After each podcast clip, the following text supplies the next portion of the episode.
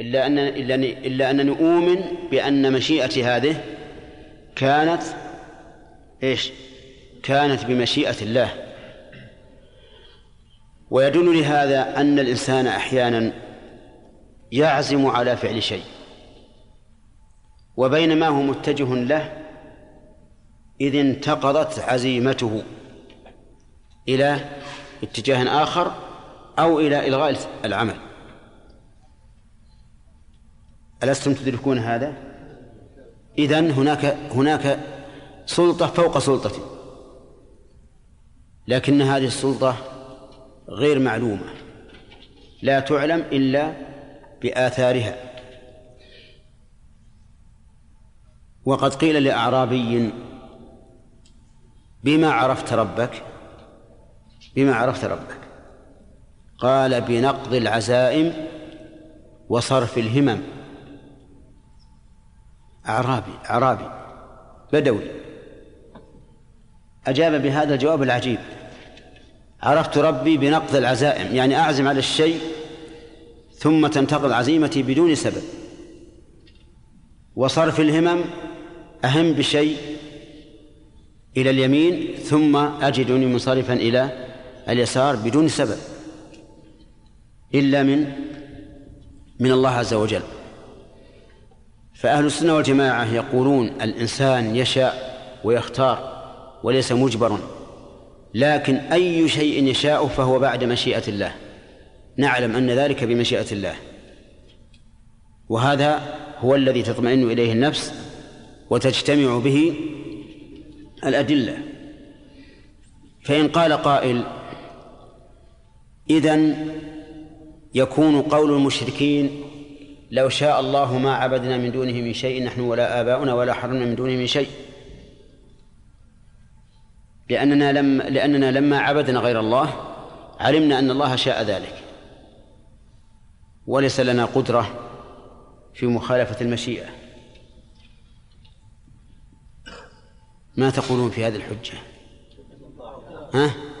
حجة داحضة. أبطلها الله عز وجل ويبطلها العقل. أبطلها الله بقوله كذلك كذب الذين من قبلهم حتى ذاقوا بأسنا. وفي آية أخرى قال كذلك فعل الذين من قبلهم فهل على الرسل إلا البلاغ المبين. أبطلها الله. عرفت؟ طيب. فلما أبطلها الله شرعا ننظر هل هي باطلة عقلا أو لا. نقول هي أيضا باطلة عقلا. لأنك لم تعلم أن الله أن الله قضى عليك بعبادة الأصنام إلا بعد ها إلا بعد العبادة. فلماذا لم تعدل عن عبادة الأصنام وتقدر أن الله قضى عليك ها بترك عبادة الأصنام؟ لماذا لم تفعل؟ فإقدامك على عبادة الأصنام وأنت لم تعلم أن الله كتب ذلك هو منك وأنت الذي أردته. ولو أنك قدرت الأفضل والأحسن وأن الله قدر أن تكون موحدا متجنبا مجتنبا لعبادة الأصنام لحصل لك ذلك. واضح؟ ثم إن نقول هناك أيضا دليل حسي. لو خير الإنسان بين شيئين. أحدهما أفضل من الآخر. ماذا يختار؟ يختار الأفضل. وهل يمكن لشخص أن يختار الأردع ويقول هذا الذي قدر لي؟ أبدا. لو قيل له لمكة طريقان طريق آمن وطريق مخوف. فقال يصلح نذهب مع مع الطريق المخوف لأن الله كتب علينا هذا. ها؟ هل يمكن ولا ما يمكن؟ أو لا يمكن؟ لا يمكن أبدا. سيسلك الطريق الآن بلا شك. لو أن لو عرض عليه عملان. في وظيفة مثلا. أحد العملين شاق وأجرته قليلة. والثاني خفيف وأجرته كثيرة. ماذا يختار؟ يختار الثاني لا شك. وهذه أدلة محسوسة تدل على أن الاحتجاج بالقدر على المعاصي أو على ترك الواجبات احتجاج باطل لا يستقيم لا شرعا ولا عقلا ولا حسا. فهذا هو مذهب أهل السنة والجماعة. يقولون نحن نفعل باختيارنا ولكن اختيارنا نعلم أن الله قد اختاره لنا قبل أن نختاره نحن. إلا أنه لا حجة لنا في أن نقول هذا مختار الله لنا فلا نستطيع أن نتخلص منه لأننا حين الفعل لم نعلم ما قدر ولا يمكن لأي إنسان يدري أن الله قدر شيئا إلا بعد بعد الوقوع. ولهذا قال الله تعالى فلما زاغوا أزاغ الله قلوبهم. فجعل الله هم فجعلهم هم السبب في ذلك. طيب من إثبات من من فوائد الآية أيضا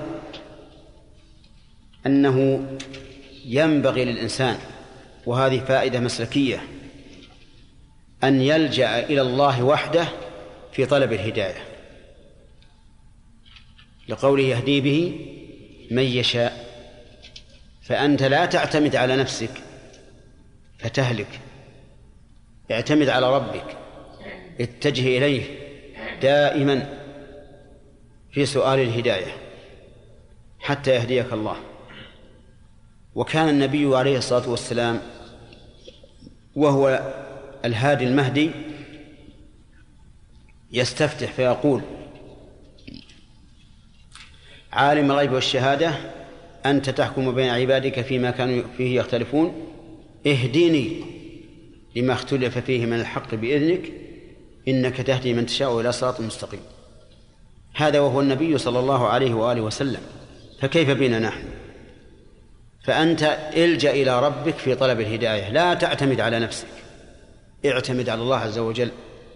فإن الله تعالى هو مرجعك. ومن فوائد الآية الكريمة أن من يضله الله فلا هادي له.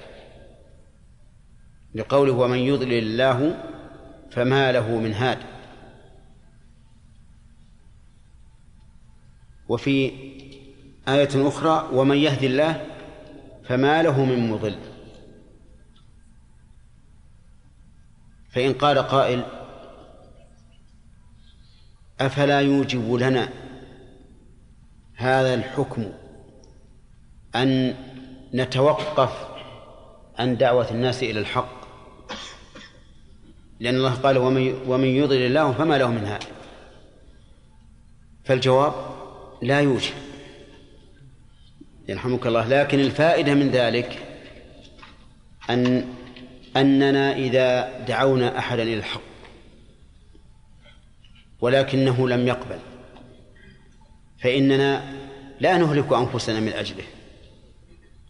بل نقول هذا قد قضى الله عليه بالضلال وليس لنا من شأنه وليس لنا في أمره من شأن. ولهذا نجد الله عز وجل يقول لنبيه محمد صلى الله عليه وسلم لعلك باخع نفسك ألا يكونوا مؤمنين. أي مهلك. ها؟ لعلك باخع نفسك. لا لا. لعلك باخع نفسك ألا يكونوا مؤمنين. في طاسين مين؟ لعلك باخع نفسك ألا يكونوا مؤمنين. أي مهلك نفسك. ألا يكونوا مؤمنين. لا لا تهلك نفسك. وأنزل الله تعالى عليه تسلية حين دعا عمه أبا طالب ولكنه لم يهتدي قال إنك لا تهدي من أحببت ولكن الله يهدي من يشاء. وحينئذ لا يمنعنا مثل هذا الحكم. أن ندعو الله أن ندعو إلى الله ندعو إلى الله. ولكن إذا دعونا إلى الله ولم نجد الناس اهتدوا فإننا لا لا نكلف أنفسنا. لا نهلك أنفسنا بالهم والغم لأن الإنسان إذا نظر إلى هذه النظرة سوف تتكدر عليه دنياه بل سوف يضيع عمله الصالح لأن الناس ليسوا بمهتدين على ما على ما يريد. فإذا أتعب نفسه وراء الناس وصار يلهث وراءهم تعب يبذل ما يجب عليه والباقي على من؟ على الله عز وجل. ومن فوائد الآية الكريمة أيضا أن اسم الهادي يطلق على غير الله. لقوله ومن يضل الله فما له من هادي وكما قال تعالى ولكل قوم هادي. فالهادي تطلق على الله وعلى غيره لكن الذي يمتنع إطلاقه على غيره هو هداية التوفيق. فإن هداية التوفيق لا تكون إلا لله وحده. أما هداية الدلالة فإنها تكون لله ولغيره. نعم.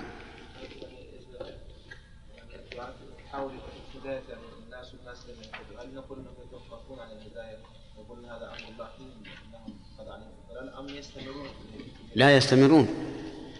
لأن الله سبحانه وتعالى قد يؤخر هدايتهم إلى أجل مسمى. نعم.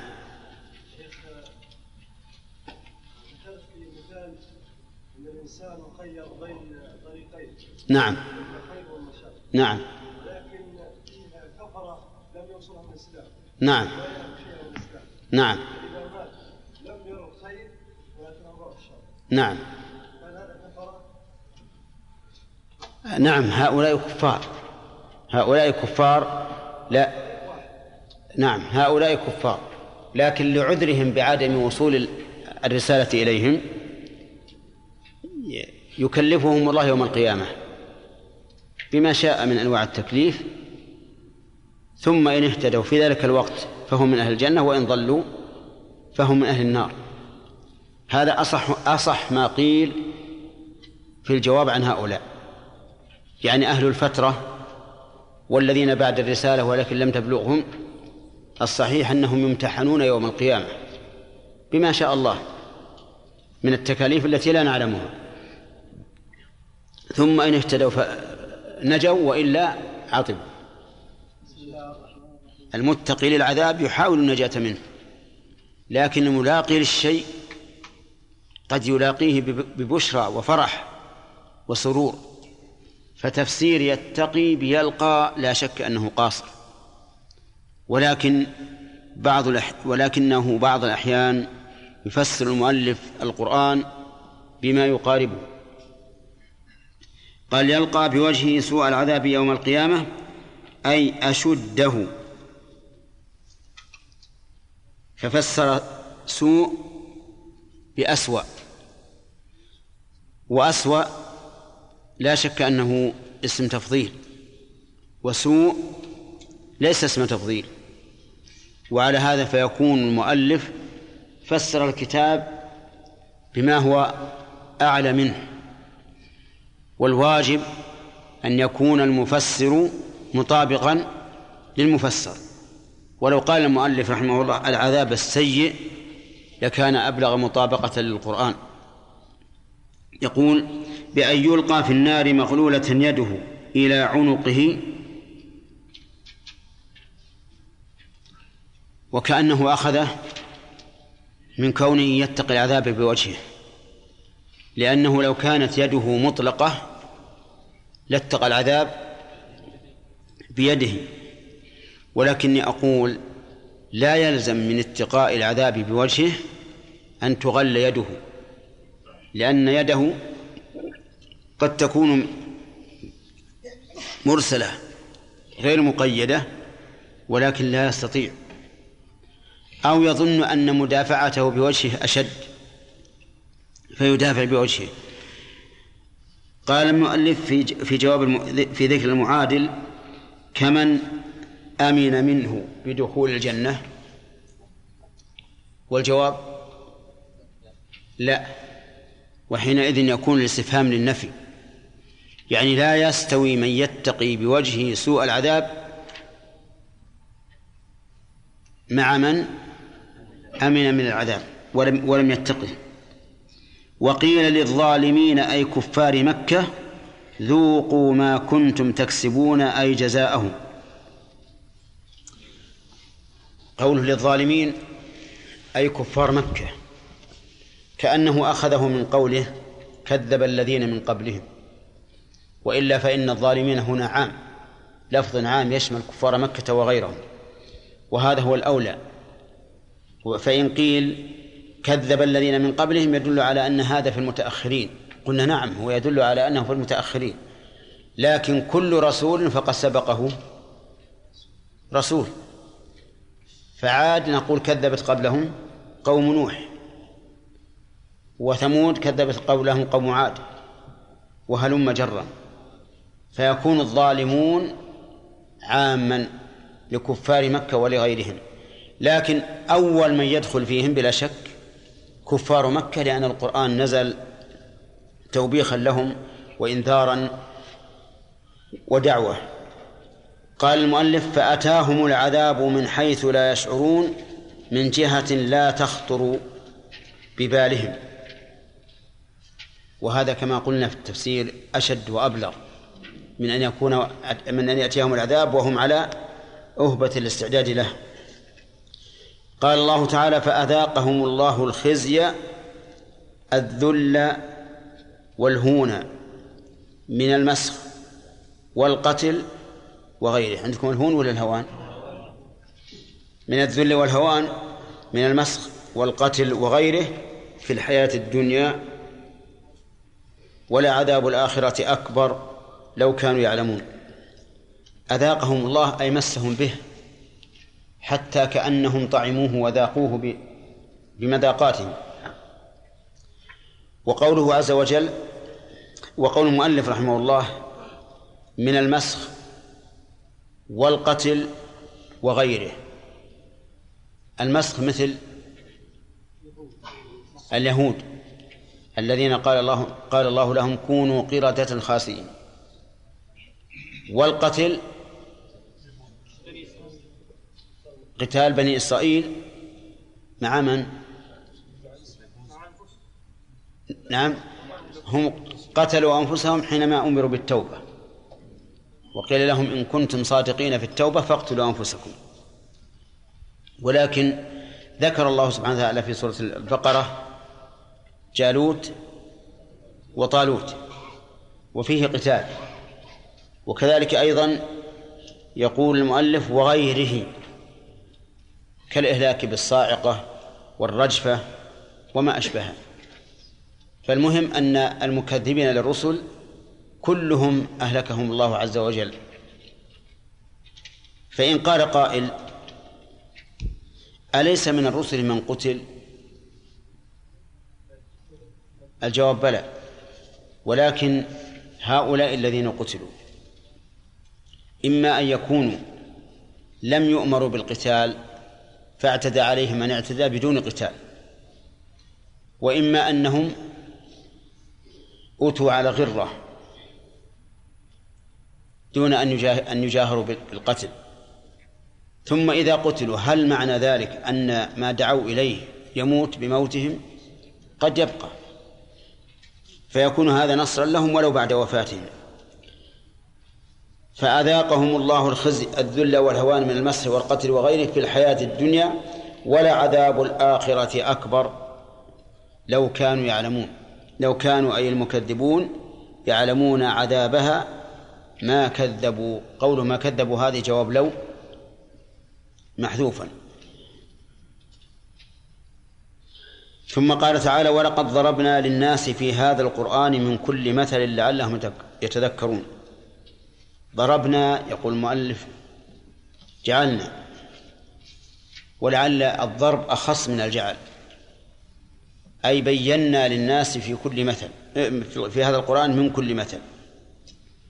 والجملة هنا مؤكدة بمؤكدات ثلاثة.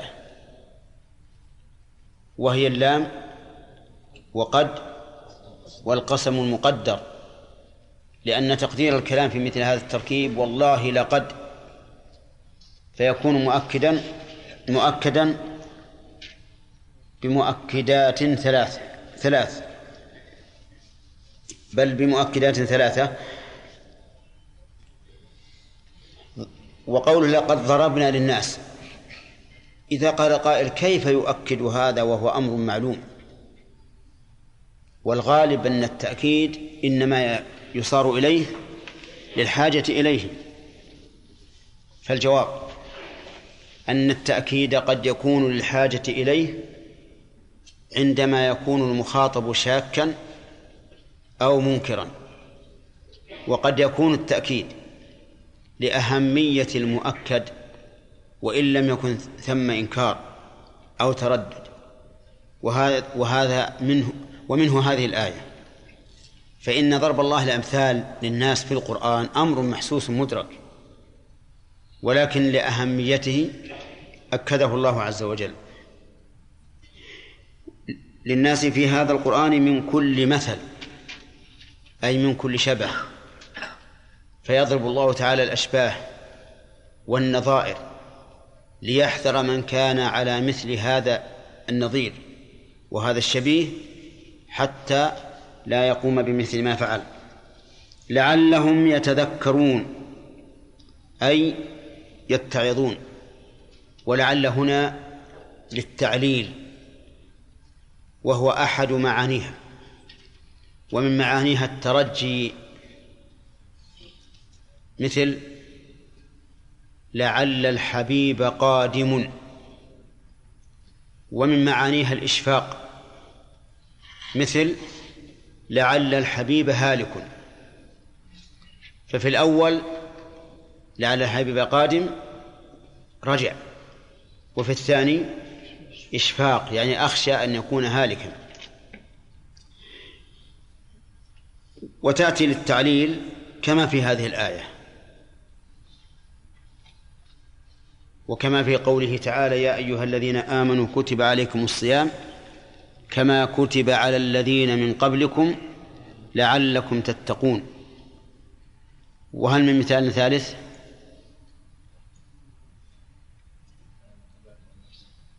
لا. نعم. لا تدري لعل الله يحدث بعد ذلك أمرا. قد يكون هذه للتوقع.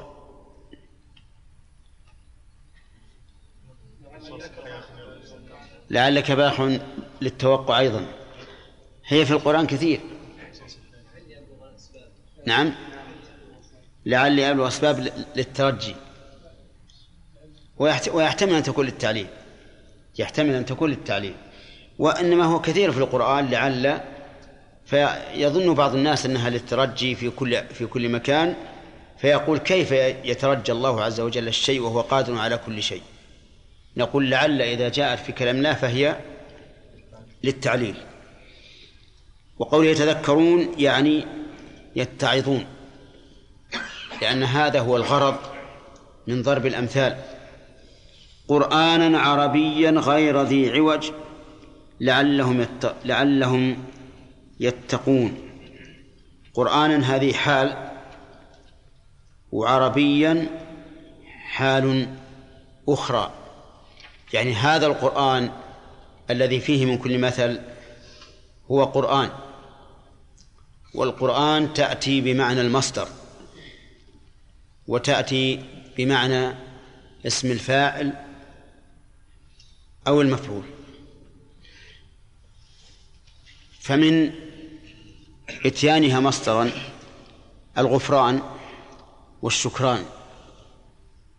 وأنا أقصد أقصد بهذا وزن فعلان تأتي مصدرا مثل الغفران والشكران والقرآن. وهذا المصدر في لفظ القرآن يحتمل أنه بمعنى اسم المفعول.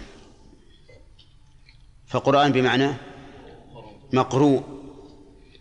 وعلى هذا فيكون بمعنى متلو ويحتمل أن يكون اسم فاعل بمعنى قارئ وهو من قرأ الماء إذا جمعه في الحوض. والقرآن إذا تأملت وجدت أن الوصفين ينطبقان عليه فهو متلو وجامع. متلو وجامع. ولهذا قال علماء العلماء في أصول التفسير إنه يصح أن يكون بمعنى اسم الفاعل ويصح أن يكون بمعنى اسم مفعول. وقوله عربيا أي باللغة العربية التي هي لسان محمد صلى الله عليه وآله وسلم ولسان القوم الذين بعث فيهم. والعربية هي أفضل الألسن وأعربها وأفصحها وأبينها. ولهذا اختار الله اختارها الله عز وجل لرسالة محمد صلى الله عليه وآله وسلم. فإن قيل أليس في القرآن من الكلمات ما أصله عجمي؟ في القرآن بلى فيه ولكن هذه الألفاظ التي أصلها غير عربي لما نطق بها العرب عربوها. وصارت عربية. ولهذا لا لا تخلو هذه الكلمات المعربة من تغيير بعض الشيء. لا بد أن يكون فيها شيء من التغيير. في الغالب فإذا نطق بها العرب واستخدموها وسادت في في ألسنتهم صارت عربية. عاربة ولا مستعربة؟ مستعربة. إذن فهي كلمات مستعربة من قوم مستعربين أيضا. لأن يعني أصل العرب مستعربين لأنهم ليسوا ليسوا عربا في الأصل فإسماعيل هو ابن إبراهيم. وليست لغته عربية. لكن لما جاء العرب جرهم إلى أم إسماعيل ونزلوا عندها صار عربيا واستمرت العروبة إلى يومنا هذا. نعم يقول لا لعلهم قرآن عربيا غير ذي عوج. هذا الوصف سلبي وليس ثبوتيا غير ذي عوج. واعلم أنه لا يوجد في أوصاف القرآن ما هو سلبي محض لأن السلبي المحض ليس فيه مدح. بل لا بل كل شيء وصف به القرآن على وجه النفي فإن ذلك لكمال ضده. فإذا قال غير ذي عوج أي لكمال استقامته. بل قال الله تعالى إن هذا القرآن يهدي للتي هي أقوم. يهدي للتي هي أقوم. فالقرآن الكريم يهدي للتي هي أقوم في أمور الدين وفي أمور الدنيا. على وجه ليس فيه اعوجاج بوجه من الوجوه. ولهذا قال غير ذي عوج لعلهم يتقون أي لأجل أن يتقوا.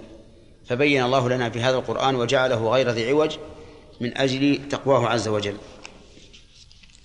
يقول الشارح رحمه الله ولقد ضربنا للناس في هذا القرآن من كل مثل أي جعلنا وهذا وهذا التفسير تفسير بما هو أعم لأن ضرب المثل ليس مجرد جعل الله بل ضرب المثل للاعتبار به. فضربته مثلا أي جعلته شبها حتى يعتبر به. وقوله للناس من كل مثل يشمل كل الناس المؤمن والكافر لأجل أن يتذكر هؤلاء وهؤلاء. ويأتي إن شاء الله بقية الكلام على هذه الآية. انتهى الوقت. نعم. نعم.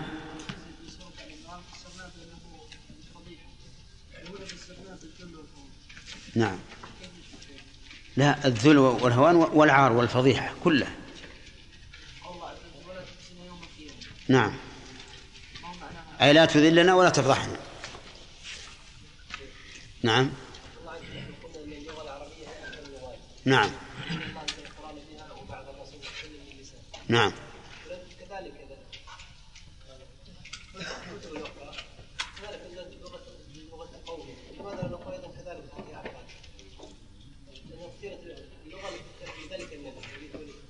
لا أيما أفضل رسالة محمد عليه الصلاة والسلام وأمته أو الرسالات الأخرى وأمتهم. إذن أفضل ما في شك. ولهذا ورد في أحاديث لكنها فيها نظر أن اللغة العربية لغة أهل الجنة. إي نعم كون كون كون الله اختار اختار هذه الرسالة العظيمة في اللغة العربية. يكفي لقوله تعالى الله أعلم حيث يجعل رسالته. فصار هذا المكان صالحا لهذه الرسالة العظيمة لأنه عظيم. معلوم البيان لو جاء بغير العربية ما بان لكن كونه اختار أن يكون في هؤلاء العرب وبلغتهم هذا دليل على فضله. نعم قال قائل يعني الرسول صلى الله عليه وسلم خاص بالعرب لأن القرآن عرب نعم. لا. إذا قال أنه خاص بالعرب قلنا نعم هو بعث في الأميين لكن لجميع الناس. كما لو أن أحدا صار في في الشرق أو في الغرب وهو أمير على جميع المنطقة على جميع القارة التي هو فيها. فهذا محمد عليه الصلاة والسلام بعث في هذه في هؤلاء القوم لكن إلى جميع الناس. ومعلوم أنه لا بد أن يبعث في قوم. افرض أنه بعث في العجم وهو رسول إلى الناس. نفس الشيء. نعم. له إيش؟ له انقطاع. اي نعم نعم. اي نعم الشيء الذي يصيب الإنسان إصابة مباشرة يقال ذاقه. لكن ليس باللسان إنما لما أنه أصابه مباشرة صار كالمطعوم الذي يدخله الإنسان في جوفه. نعم.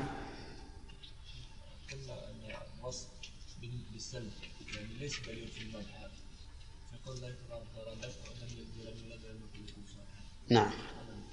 إيه قلنا لا لابد أن يتضمن كمالا لم يلد ولم يولد لكمال وحدانيته. لكمال وحدانيته نعم. نعم. هل يدل ان الوجه ياتيه الاشد الاشد وعلى كل حال أن إحساس الوجه بالعذاب أشد من إحساس بقية الجسم. أقول هو إذا كان أسوأ العذاب ويكون في في الوجه صار أشد على الإنسان مما لو كان في طرف آخر. لكن اللي يظهر لنا ما قلنا إن سوء العذاب ليس على اسم تفضيل ولكنه من باب إضافة الصفة إلى موصوفها. يعني العذاب السيء نعم. خير وشر. أيضا تطلق على اسم التفضيل إذا قلت هذا خير من هذا وهذا شر من هذا وقد يقال وقد تطلق ويراد بها الوصف بالشر فقط. كما لا تقول هذا شر هذا خير. بسم الله الرحمن الرحيم. ضرب الله مثلا رجلا فيه شركاء متشاكسون.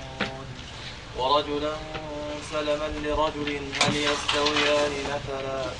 الحمد لله بل أكثرهم لا يعلمون. إنك ميت وإنهم ميتون. ثم إنكم يوم القيامة عند ربكم تختصمون. أعوذ بالله من الشيطان الرجيم. قال الله تبارك وتعالى ضرب الله مثلا رجلا فيه شركاء متشاكسون ورجلا سلام إلى رجل. لما قال الله تعالى ولقد ضربنا للناس في هذا القرآن من كل مثل ذكر هذا المثل. ضرب مثلا. ها؟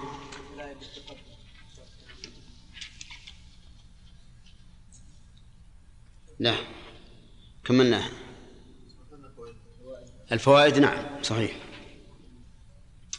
نعم نخلين جميع بين الله عز وجل هذا المثل العظيم فقال ضرب الله مثلا رجلا فيه شركاء متشاكسون. اقرب يا اخ مدني. اقرب هنا. عشان توصلون عبد المنان لأنه أظنه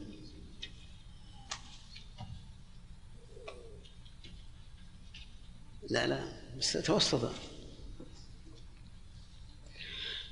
رجلا فيه شركاء متشاكسون.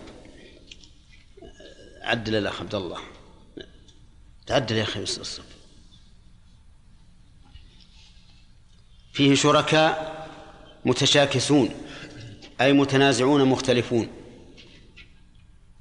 كل واحد منهم يقول أنا صاحب أنا الذي أريد أن أستخدمه وما أشبه ذلك. فهم دائما في نزاع وفي خصومة لأن كل واحد منهم يريد أن ينفرد به عن الآخر. والرجل الثاني رجلا سلما لرجل. سلما أي سالما. لهذا الرجل لا يشركه فيه أحد. فإن قال قائل بما عرفتم أن سلما بمعنى سالم سالما من الشركاء قلنا عرفنا ذلك بذكر المقابل وهو قوله فيه شركاء متشاكسون لأن الكلمة تعرف بالسياق وبذكر المقابل. ومن أمثل ومن أبرز مثال على ذلك قوله تبارك وتعالى فانفروا ثبات أو انفروا جميعا. لو قال لك قائل ما معنى ثبات؟ لفهمت معناها مما بعدها. أو انفروا جميعا فيكون الثبات ضد المجتمعين. أي فرادى انفروا فرادى أو انفروا جميعا. وهذه من قواعد التفسير. أن يعرف تفسير الكلمة بذكر ما يقابلها. فهنا نقول رجلا سلم.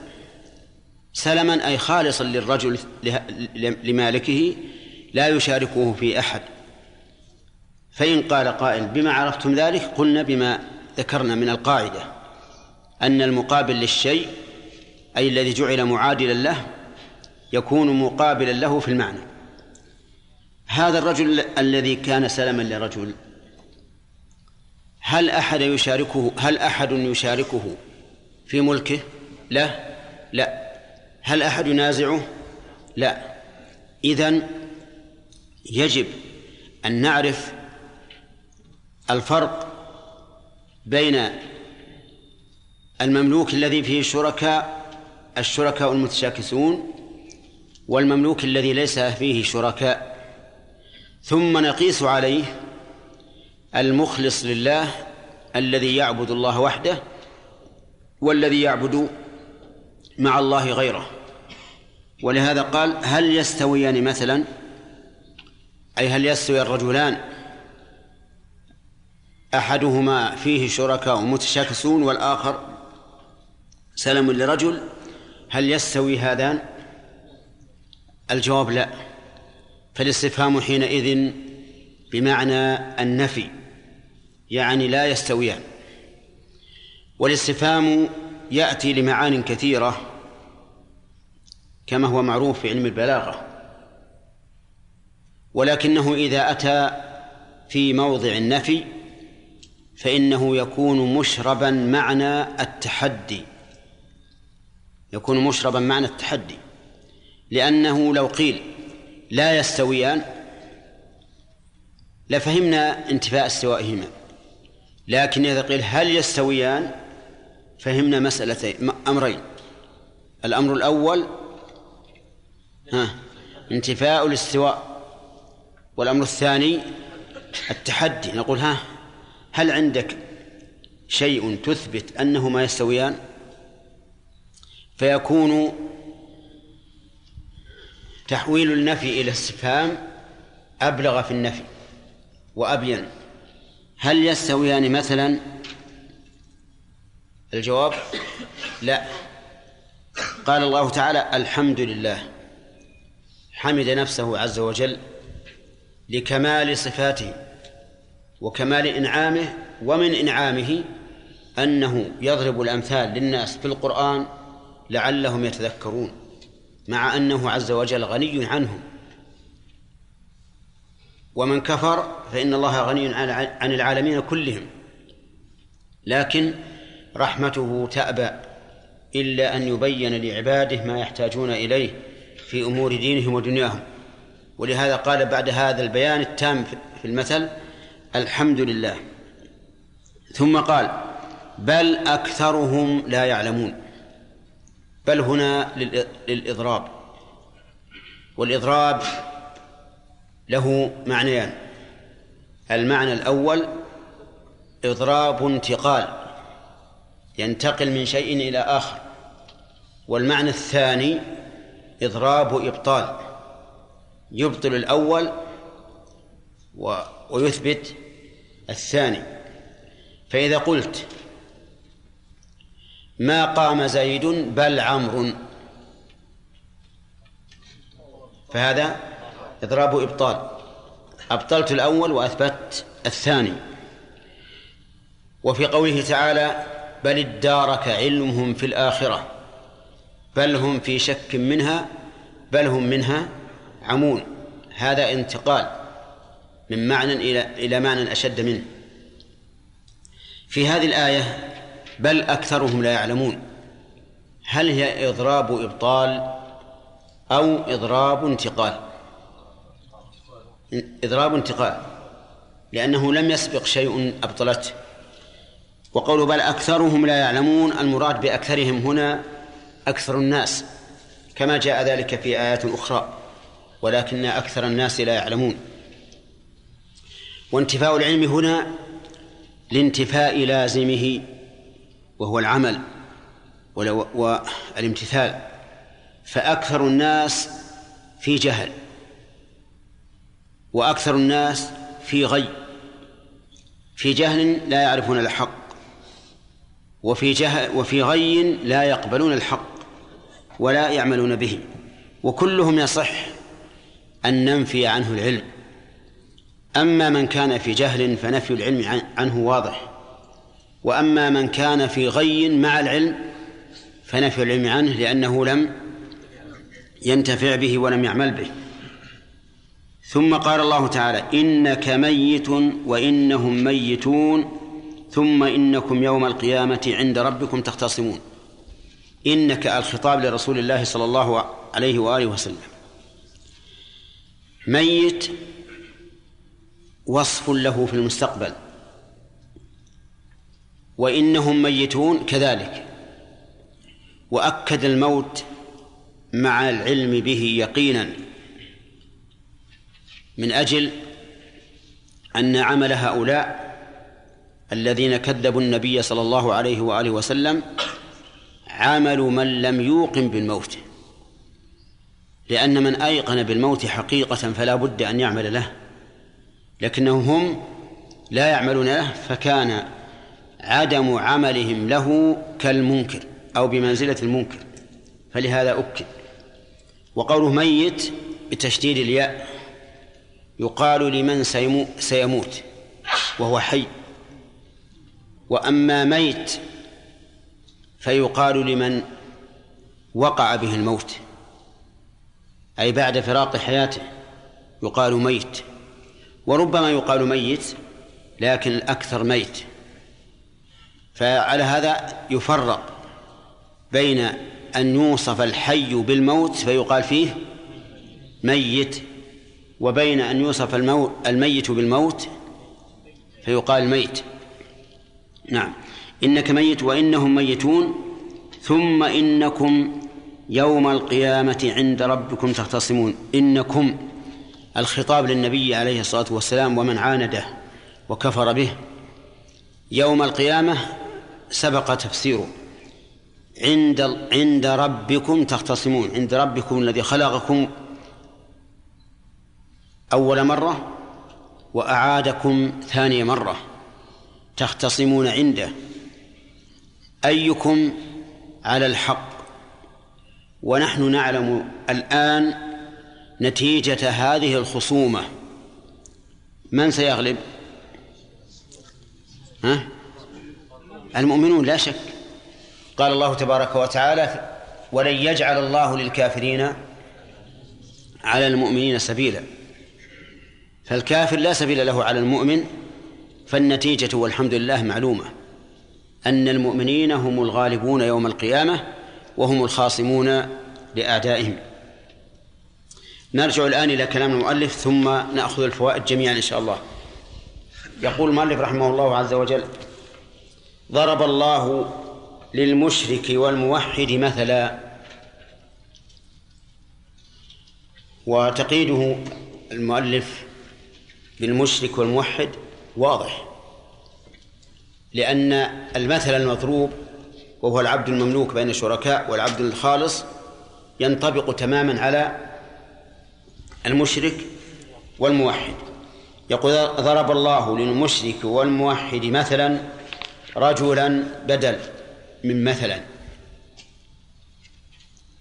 والبدل يقول ابن مالك رحمه الله فيه هو التابع المقصود بالحكم بلا واسطة. هذا البدل. التابع المقصود بالحكم بلا واسطة. فقولها التابع هو التابع المقصود بالحكم خرج به بقية التوابع. وقوله بلا واسطة خرج به المعطوف ببل فإن المعطوف ببل يكون إذا كان للإضراب الإبطالي يكون هو المقصود هو المقصود بالحكم لكنه بواسطة فلا يسمى بدلا. فهنا قال مثلا رجلا. لو حذفت مثلا وقال ضرب الله رجلا أيصح الكلام أو لا؟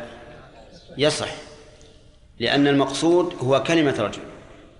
وأنت لو قلت رأيت محمدا عليا. عليا بدل. عليا بدل. لأن المقصود هو علي. إذا خطبني مخاطب وقال رأيت عليا محمدا عرفت أنه أراد محمدا. أراد محمدا ولم يرد عليا.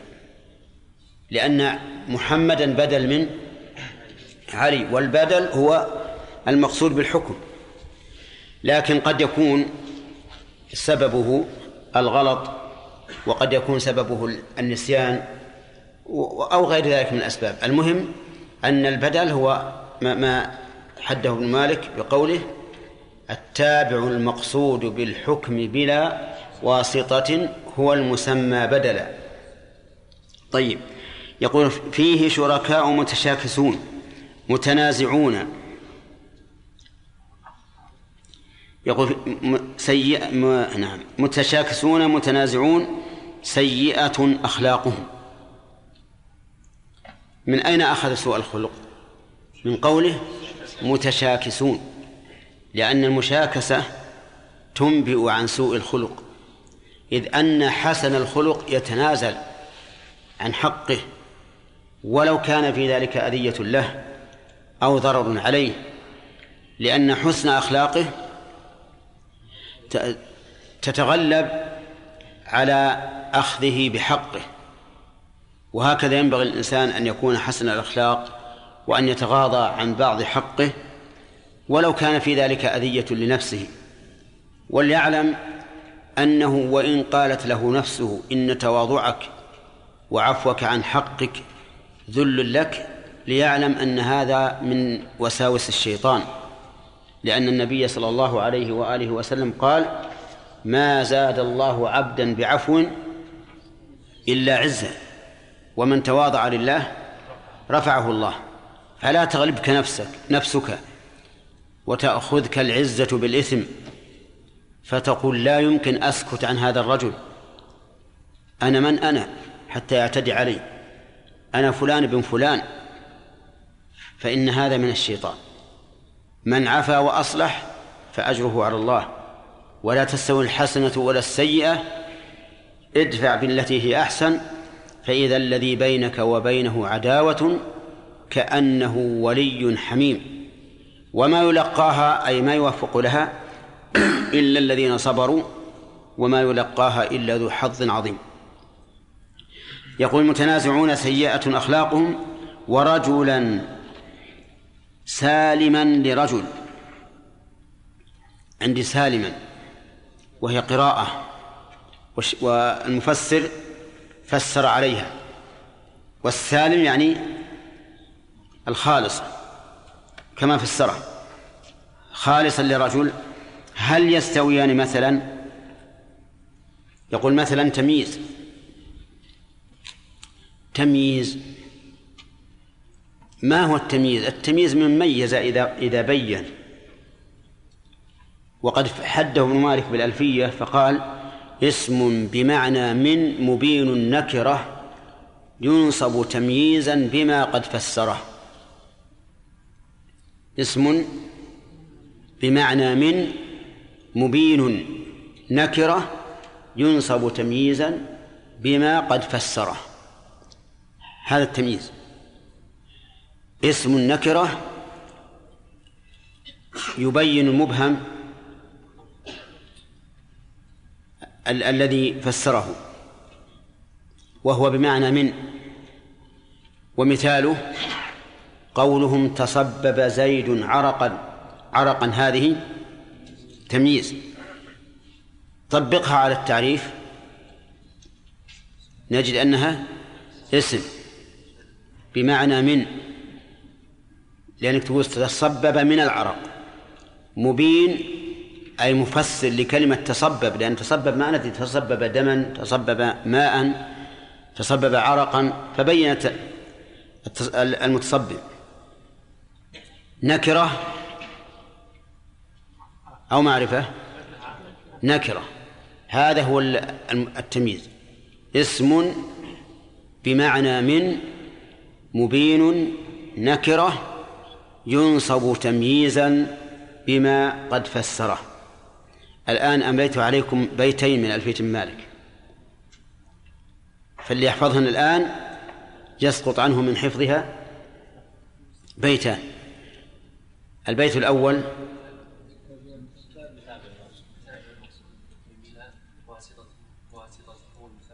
نعم البدل.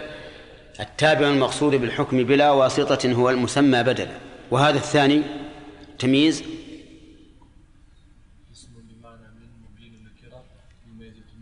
ينصب. نعم. يقول مثلا تمييز أي لا يستوي العبد لجماعة والعبد لواحد فإن الأول إذا طلب منه كل من مالكيه خدمته في وقت واحد تحير في من يخدمه منهم. طيب. يقول لا يستوي. فبين رحمه الله أن الاستفهام في قوله هل يستويان؟ للنفي حيث فسره بنفي. وقول لا يستوي العبد لجماعة, لجماعة والعبد لواحد. صحيح لا يستويان. العبد لواحد يتصرف فيه متى شاء. متى شاء قال اخدمني ومتى شاء قال استرح متى شاء باعه متى شاء أجره.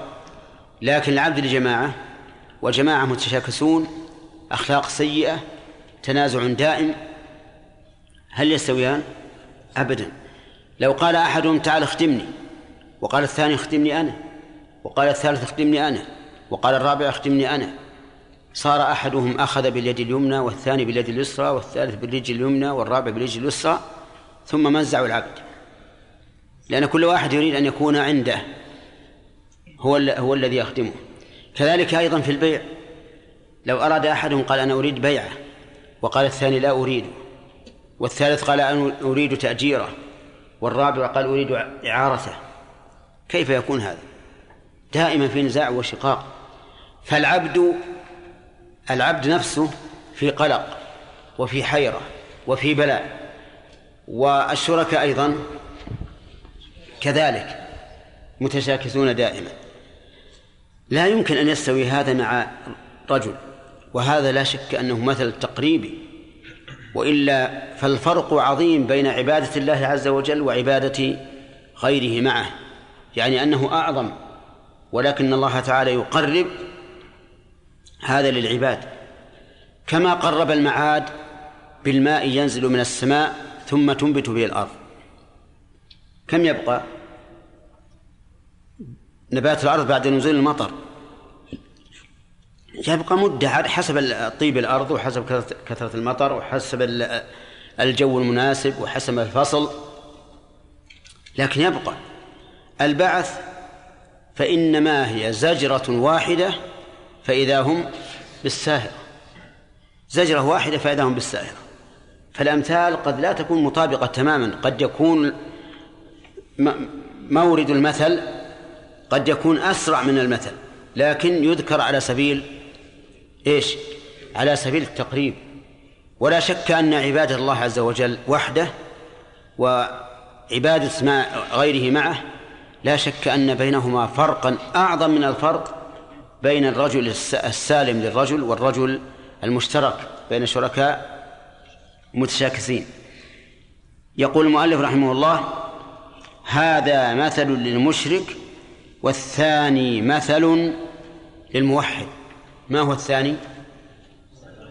رجل سالما لرجل. هذا للموحد. والأول للمشرك.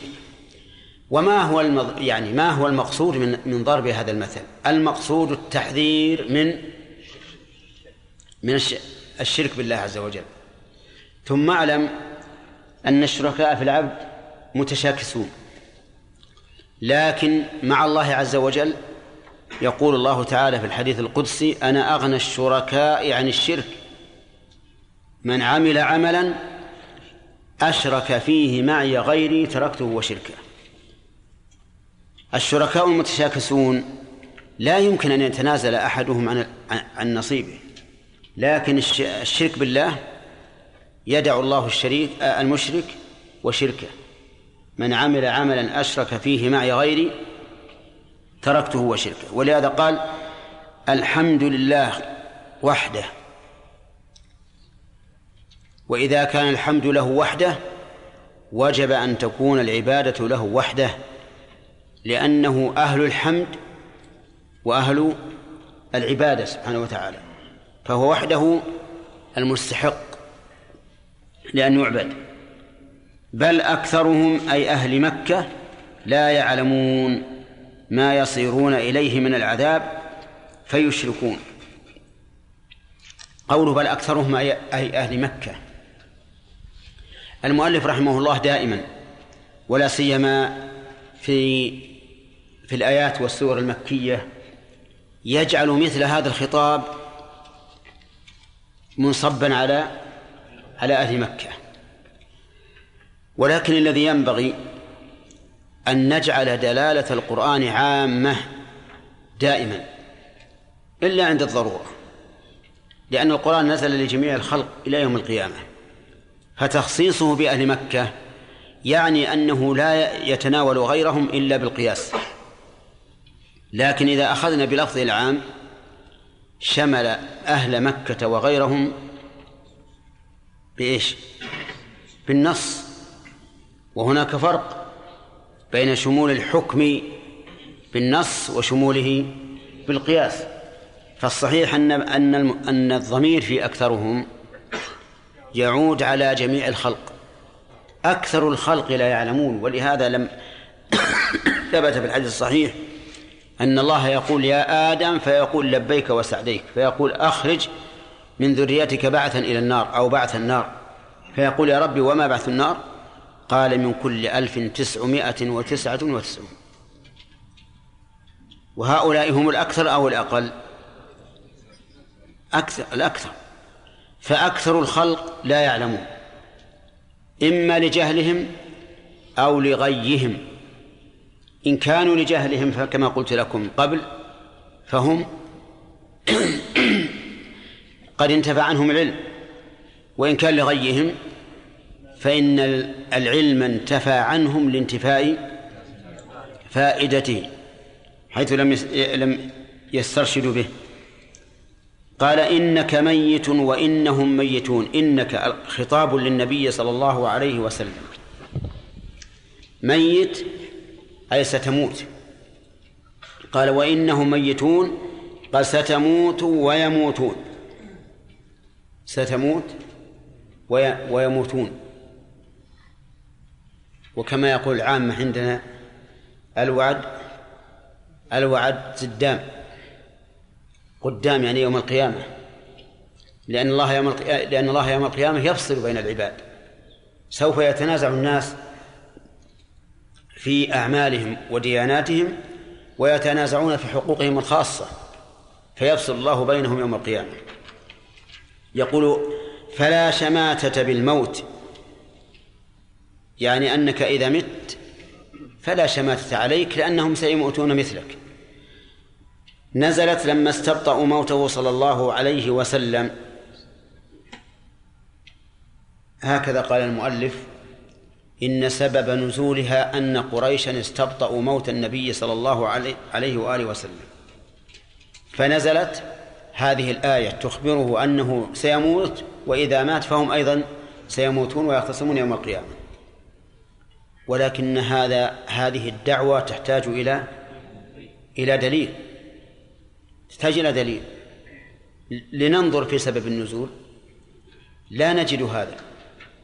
فإذا كان كذلك فلا ينبغي أن نتخيل سببا للنزول في معنى آية من كتاب الله. لأن سبب النزول خبر محض. حطوا بالكم يا جماعة. والخبر المحض لا مدخل للعقل فيه. ولكننا نقول ذكر الله هذه الجملة إشارة إلى أنه لن يضيع عملك ولا عملهم. لن يضيع عملك بدعوتك إلى التوحيد ولن يضيع عملهم بالإشراك.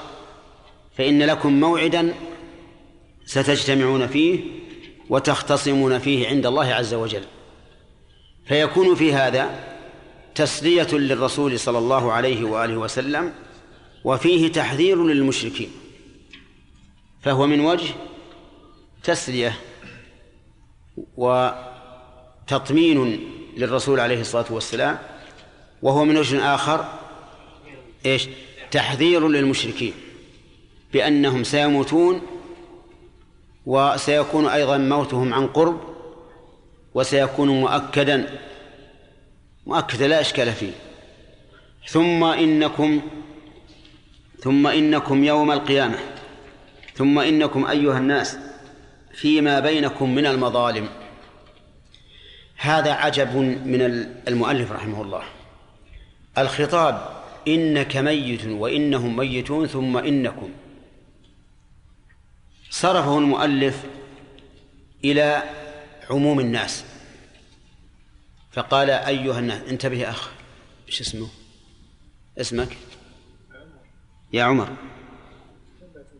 نعم. ثم إنكم يقول أيها الناس فيما بينكم من المظالم والسياق يأبى هذا التفسير. بل الخطاب للنبي صلى الله عليه وسلم ومن كفر به. هذا هذا هو المتعين. وتختصمون في المظالم التي بينكم أو فيما بينكم من الحق والباطل. الثاني من الحق والباطل أنت تدعو إلى التوحيد وهم ينكرون ذلك ولكم موعد تختصمون فيه. ثم إنكم أي الرسول عليه الصلاة والسلام ومن كذبه يوم القيامة عند ربكم تختصمون. وفي قوله عند ربكم إشارة إلى أن هذا الاختصام من مقتضى من مقتضى ربوبية عز وجل. لأنه حكم عدل. ومن عدله أنه يفصل بين المتنازعين فيه يوم القيامة كما يفصل بين المتنازعين في الحقوق الخاصة. ويأتي إن شاء الله بقية الفوائد ذكر الفوائد بعد هذا اليوم. نعم.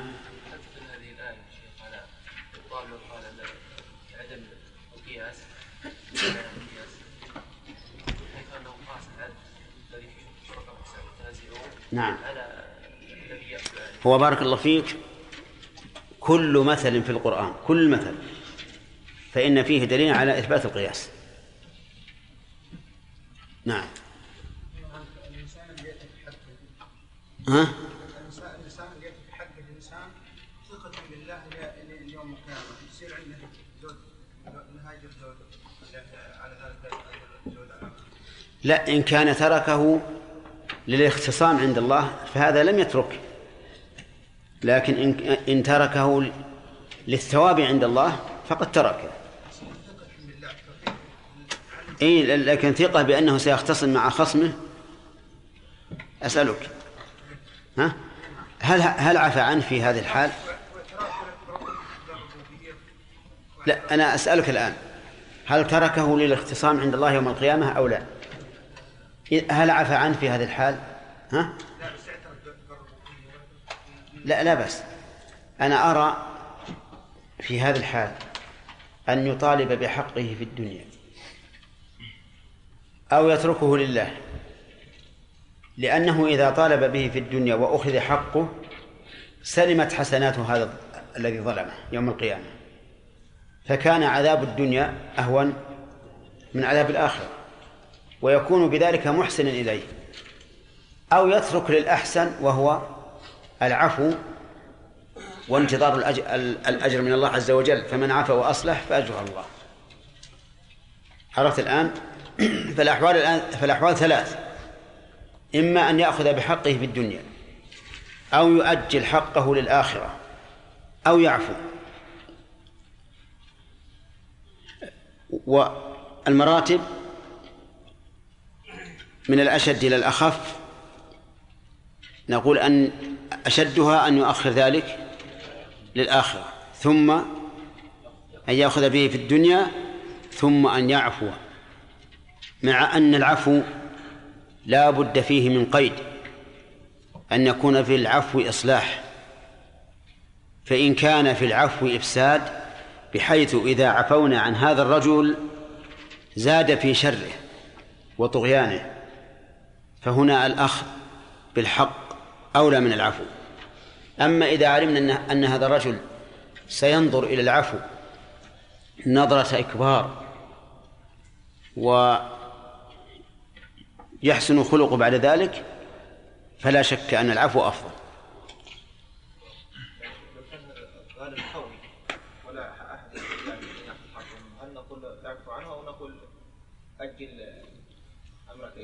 لا معنى معنى ذلك ان أن هذا الرجل لو عفوا عنه لم يصلح. فأجل حقه في الآخرة.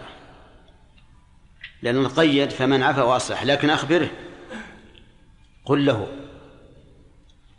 أنت الآن ظلمتني في كذا وكذا وكذا وأنا سأؤجل أخذي ليوم القيامة. لا أظن أنك عفوت أي نعم. لا ومع ومع عدم القدرة. لكن العفو المحمود هو العفو مع القدرة. نعم.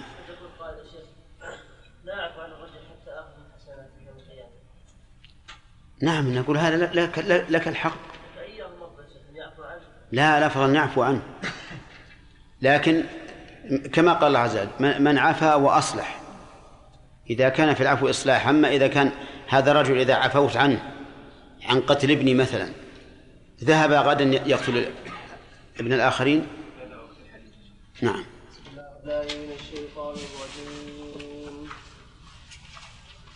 فمن أظلم ممن كذب على الله وكذب بالصدق إذ جاء أليس في جهنم مثوى للكافرين؟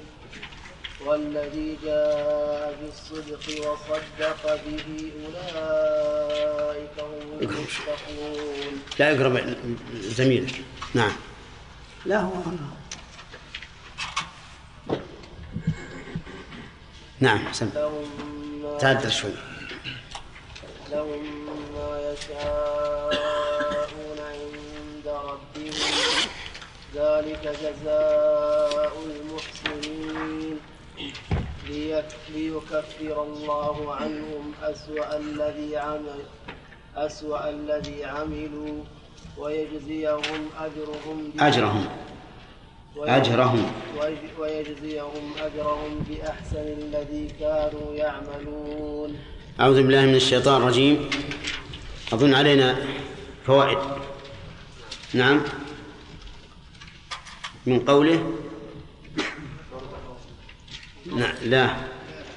قبله ولقد ضربنا. قال الله تعالى ولقد ضربنا في هذا ولقد ضربنا للناس في هذا القرآن من كل مثل.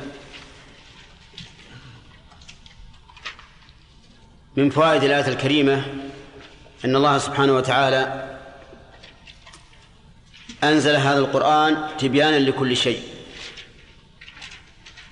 ومنه أي من التبيان ضرب الأمثال لأنها تقرب المعنى وتضع المعقول بصورة المحسوس. ومن ذلك قوله تعالى مثل الذين مثل الذين اتخذوا من دون الله أولياء كمثل العنكبوت اتخذت بيتا. وإن, أوهن البيوت إلى بيت العنكبوت لو كانوا يعلمون.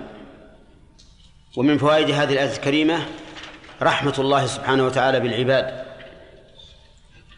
حيث بين لهم هذا البيان التام ومن فوائدها أنه ينبغي للمعلم غيره أن يكثر له من ضرب الأمثال التي تعينه على فهم المعنى لأن هذا هو أسلوب القرآن. ومن فوائد الآية الكريمة إثبات العلل والحكم في أفعال الله وشرعه لقوله لعلهم يتذكرون. ومن فوائد هذه الآية الكريمة الرد على الجهمية وأشباههم ممن أنكروا حكمة الله وقالوا إن الله سبحانه وتعالى يفعل الشيء لا لعلة وحكمة ولكن لمجرد المشيئة. وجه ذلك أن لعل هنا للتعليل والتعليل يعني إثبات الحكمة. ثم قال الله عز وجل قرآنا عربيا غير ذي عوج لعلهم يتقون. يستفاد من هذه الآية الكريمة أن القرآن عربي أي نازل بلغة العرب. ومن فوائدها أنه لا يوجد في القرآن لفظ أعجمي لأن الله وصف القرآن كله بأنه عربي. وهذا يقتضي أن, لا أن ليس فيه شيء من لغة العجم. ولا شك أن هذا هو الواقع. فليس في القرآن لفظ عجمي لكن اختلف العلماء المفسرون وغيرهم هل في القرآن كلمة أصلها عجمي ثم عربت فمنهم من يقول نعم ومنهم من يقول لا فالذين قالوا نعم قالوا هناك كلمات في القرآن الكريم لا تنطبق عليها قواعد اللغة العربية ويعني هذا أنها أعجمية وهذا لا ينافي أن يكون القرآن عربيا لأن العرب لما عربتها صارت عربية بالإستعراب كما أن العرب أصلهم مستعربون. وإلا فلغة أبيهم إسماعيل ليست عربية. ومنهم من قال هذه الكلمات التي هي كلمات أعجمية إنما جاءت بلسان العرب من باب توارد اللغتين. ولا مانع من أن تتوارد اللغتان على كلمة واحدة والخلاف في هذا قريب من اللفظي وذلك لأنهم متفقون على أنه لا يوجد في القرآن لفظ أعجمي هو أعجمي حتى نزول القرآن. أبدا. ومن فوائد هذه الآية الكريمة بيان حكمة الله عز وجل في إنزاله القرآن باللسان العربي لأن النبي صلى الله عليه وآله وسلم بعث في قوم عرب. فكانت الحكمة أن يكون لسانه عربيا كما هو الشأن في جميع الرسل. قال الله تعالى وما أرسلنا من رسول إلا بلسان قومه ليبين لهم. ومن فوائد الآية الكريمة أن فهم المعنى معين على التقوى. لقوله قرآنا عربيا لعلهم يتقون. وهذا أمر واقع. أن أن فهم المعنى من أسباب التقوى لأنه لو أن لأنك لو تكلم لك إنسان بما لا تفهم معناه لم يؤثر فيك شيئا. إنما يؤثر فيك ما تفهم معناه. ولهذا قال لعلهم يتقون. ونستفيد من هذه الجملة ما استفدنا من الجملة السابقة وهي قوله لعلهم يتذكرون. ثم قال الله تعالى ضرب الله مثلا رجلا فيه شركاء متشاكسون إلى آخره. من فوائد هذه الآية الكريمة أن هذه أن هذه الآية تطبيق لقوله تعالى ولقد ضربنا للناس في هذا القرآن من كل مثل. فإن هذا مثل. ومن فوائدها أن مثل من يعبد مع الله غيره كمثل عبد فيه شركاء متشاكسون. متنازعون متخاصمون. وجه ذلك أن هذا العابد مع الله غيره لم يكن قلبه خالصا لله فتنازعه الشركاء من يمين وشمال حتى ضاع بينهم. ومن فوائد هذه الآية الكريمة أن الله تعالى يأتي بالخبر أو غيره ثم يقرر ذلك للمخاطب بأحسن وجه. وذلك في قوله هل يستويان مثلا؟ فإن هذا الاستفهام الذي الذي يراد به النفي الغرض منه إيش؟ تقرير ما ذكر وإلزام المخاطب به. ومن فوائد الآية الكريمة أن الله تعالى مستحق للحمد لكمال توحيده لقوله الحمد لله. ومن فوائدها أن الحمد المطلق إنما يكون لله عز وجل. أما غيره فهو إن حمد فليس حمده على الإطلاق بل يحمد على شيء معين وجزء معين مما يحمد عليه. أما الحمد على الإطلاق فهو لله رب العالمين عز وجل لأنه هو المحمود على كل حال. وكان النبي عليه الصلاة والسلام إذا أتاه ما يسر به قال الحمد لله الذي بنعمته تتم الصالحات. وإذا أتاه ما يسوءه قال الحمد لله على كل حال. ومن فوائد الآية الكريمة أن أكثر أن أكثر بني آدم لا يعلمون الحقائق على ما هي عليه. وإن علموها لم ينتفعوا بها لقوله بل أكثرهم لا يعلمون. ثم قال تعالى وإن إنك ميت وإنهم ميتون ثم إنكم يوم القيامة عند ربكم تختصمون. من فوائدها أن أن نبينا صلى الله عليه وآله وسلم لن يخلد أبد الآبدين بل هو ميت كما أن خصومه أموات. وهذا كقوله وما جعلنا لبشر من قبلك الخلد أفإن مت فهم الخالدون. ومن فوائدها تسلية النبي صلى الله عليه وآله وسلم لقوله إنك ميت وإنهم ميتون ثم إنكم يوم القيامة عند ربكم تختصمون.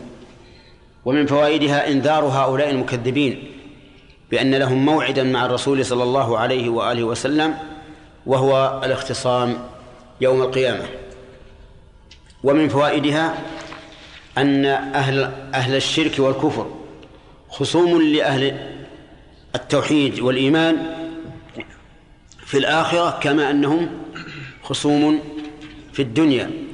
ففي الدنيا لا شك في خصومتهم وعداوة بعضهم لبعض وفي الآخرة أشد وأعظم. ومن فوائدها أن الخلق يختصمون عند الله يوم القيامة. ومن المعلوم أن الخاصم إذا كانت الخصومة بين المؤمن والكافر هو المؤمن. قال الله تعالى فالله يحكم بينكم يوم القيامة ولن يجعل الله للكافرين على المؤمنين سبيلا. ومن فوائد الآية الكريمة إثبات البعث والحساب. عند قوله ثم إنكم يوم القيامة عند ربكم تختصمون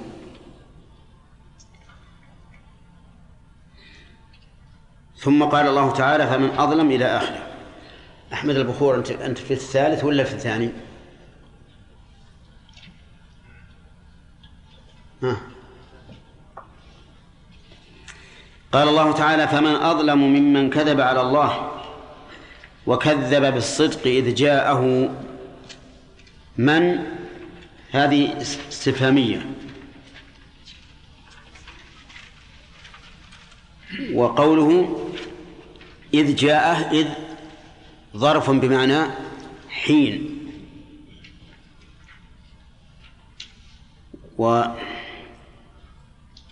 والاستفهام في قوله أليس للتقرير؟ يقول الله تعالى فمن أظلم ممن كذب على الله. هذا الاستفهام هنا بمعنى النفي. الاستفهام هنا بمعنى النفي أي لا أحد أظلم ممن كذب على الله. وقوله كذب على الله أي افترى عليه الكذب.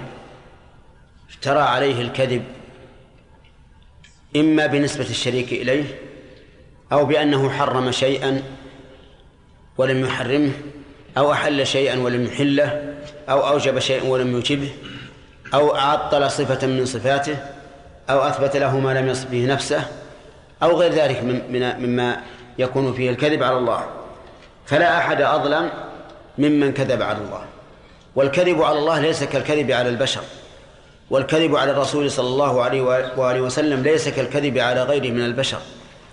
قال النبي صلى الله عليه وآله وسلم إن كذبا علي ليس كالكذب ككذب على أحد.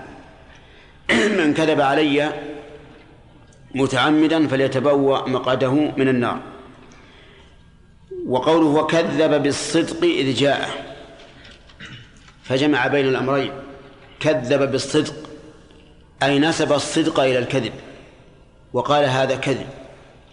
ومن ذلك تكذيب قريش للرسول صلى الله عليه وآله وسلم حيث قالوا إنه ساحر كذاب. قال الله تعالى أليس في جهنم مثوى للكافرين؟ هذا الاستفهام للتقرير. والغالب أن أن همزة الاستفهام إذا دخلت على ما يفيد النفي الغالب أن تكون للتقرير. وجوابها يكون بلى. جوابها بالإثبات يكون بلى. مثل ألم نشرح لك صدرك؟ الاستفهام هنا للتقرير. ومعناه قد شرحنا لك صدرك. ألم يأتكم نبأ الذين كفروا من قبل؟ المعنى قد آتاكم. وأمثلة هذا في القرآن كثير وقوله أليس في جهنم مثوى للكافرين؟ أظهر في مقام الإضمار وكان مقتضى السياق أن يقول أليس في جهنم مثوى له؟ والإظهار في مقام في مقام الإضمار له فوائد. ذكرناها لكم سابقا. فمن يستحضرها؟ الإظهار في مقام الإضمار. نعم. هذه واحدة. فائدة العموم. يعني مثوى له ولغيره من الكافرين. لا. إنه قد لا يكون المسألة فيها توبيخ. لا هذا في الالتفات. وربما يكون هذا أيضا يزيد في الانتباه. تسجيل الوصف على هؤلاء الكافرين. نعم. تسجيل الوصف على هؤلاء بأنهم كفار. يعني إثبات أن هؤلاء كفار. الثالث؟ لا. ما أسرع ما تنسون. الثالث التعليل إفادة التعليل. لو قال ليس في جهنم مثوى له؟ لم نستفد ما هي العلة في أن مثواه جهنم لكن إذا قال أليس في جهنم مثوى للكافرين عرفنا أن العلة كفرهم ففيه بيان العلة. فصار الإظهار في موضع الإضمار له ثلاث فوائد. الفائدة الأولى حجاج. ما هي؟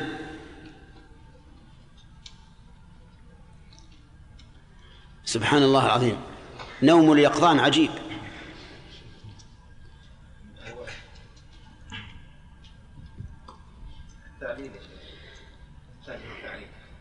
النيل يجري ولو كنت ها هنا. نعم. إيش؟ نعم. هذه واحدة. الثاني ثبوت الوصف على هؤلاء نعم. الثالث إفادة التعليل. هذا من فوائد الإظهار في موضع الإضمار. طيب. أليس في جهنم مثوى للكافرين؟ إذن هؤلاء كفار الذين كذبوا على الله وكذبوا بالصدق هم كفار. ومثواهم جهنم والعياذ بالله. وجهنم قيل إنها من الأسماء المعربة. وأصلها في اللغة الفارسية كهنام وقيل إنها اسم عربي. وأنها مأخوذة من الجهمة يعني الظلمة. والنار لبعد قعدها أعاذنا الله وإياكم منها سوداء مظلمة. فالله أعلم. سواء هذا أو هذا المهم أنها أنها تستعمل في لغة العرب للنار العظيمة المسودة. يقول المؤلف رحمه الله فمن أظلم فمن أي لا أحد. وتحويل المؤلف الاستفهام إلى النفي يفيد أن معنى الاستفهام إيش يا جماعة؟ لا. النفي. لا أحد أظلم. لا أحد أظلم ممن كذب على الله. أي قال عليه الكذب قال المؤلف بنسبة الشريك والولد إليه. وهذا على سبيل التمثيل لا الحصر فمن قال إن لله ولدا فقد كذب على الله. إن لله شريكا فقد كذب على الله. إن الله لا يوصف بهذه الصفات التي وصف بها نفسه فقد كذب على الله. إن الله مماثل لخلقه فقد كذب على الله. إن الله حرم السائبة والوصيلة والحامي فقد كذب على الله. المهم أن ذكر المؤلف رحمه الله لهذين الأمرين فقط. المراد به إيش؟ التمثيل لا الحصر. فالكذب الكذب على الله كثير وبعضه أشد من بعض. قال وكذب بالصدق بالقرآن إذ جاءه. لا شك أن القرآن صدق بل إنه صدق وعدل كما قال تعالى وتمت كلمة ربك صدقا وعدلا فهو باعتبار الأخبار صدق وباعتبار الأحكام عدل. لكن المسألة أعم مما قال المؤلف.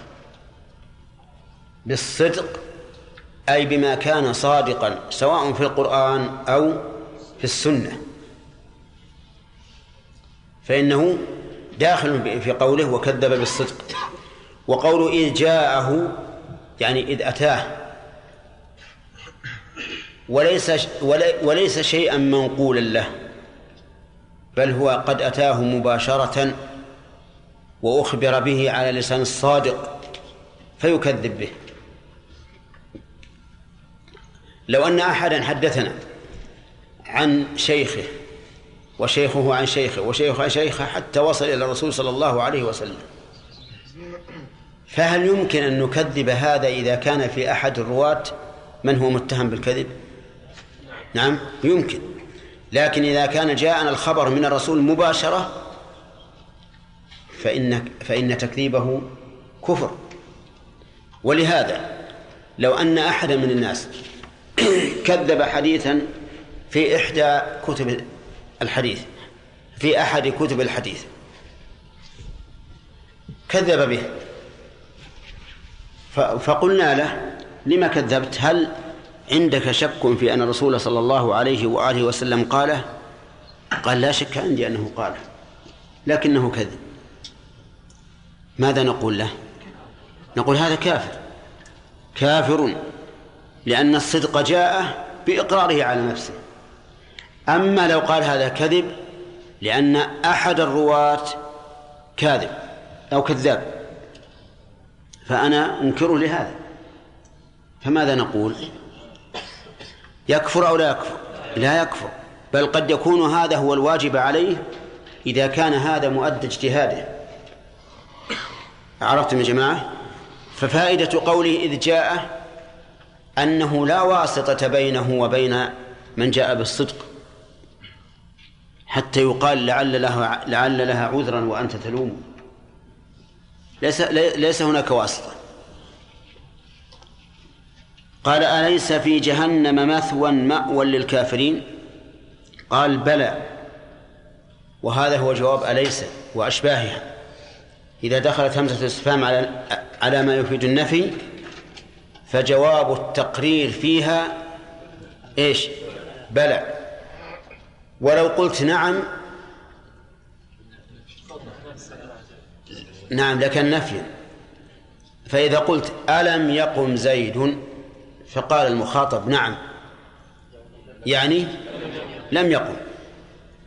وإذا قلت ألم يقم زيد فقال المخاطب بلى. نعم. أي قد قام. ولهذا يروى عن ابن عباس رضي الله عنهما في قوله تعالى ألست بربكم؟ قالوا بلى. قال لو قال نعم لو قالوا نعم لكفروا. لأنهم إذا قالوا نعم يعني لست ربنا لست ربنا. هذا هو المشهور في اللغة العربية لكن ربما يأتي الجواب بنعم مرادا به الإثبات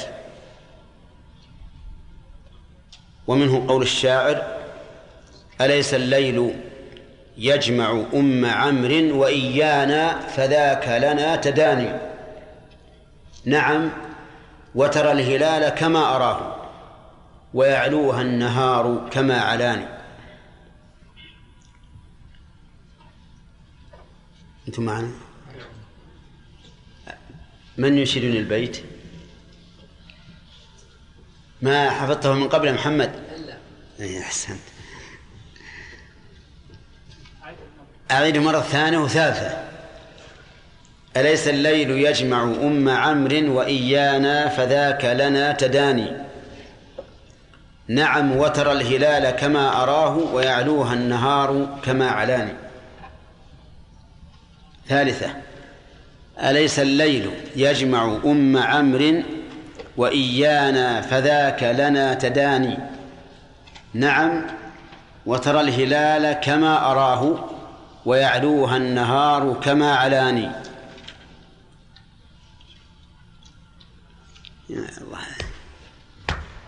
الواحد من العرب يلقي قصيدة خمسين ستين بيتا. مرة واحدة وينصرف وقد حفظها الناس. نعم. أليس الليل يجمع أم عمرو وإيانا؟ فذاك لنا تداني نعم. نعم. وت... نعم. كما أراه. كما أراه. ويعلوها النهار كما علاني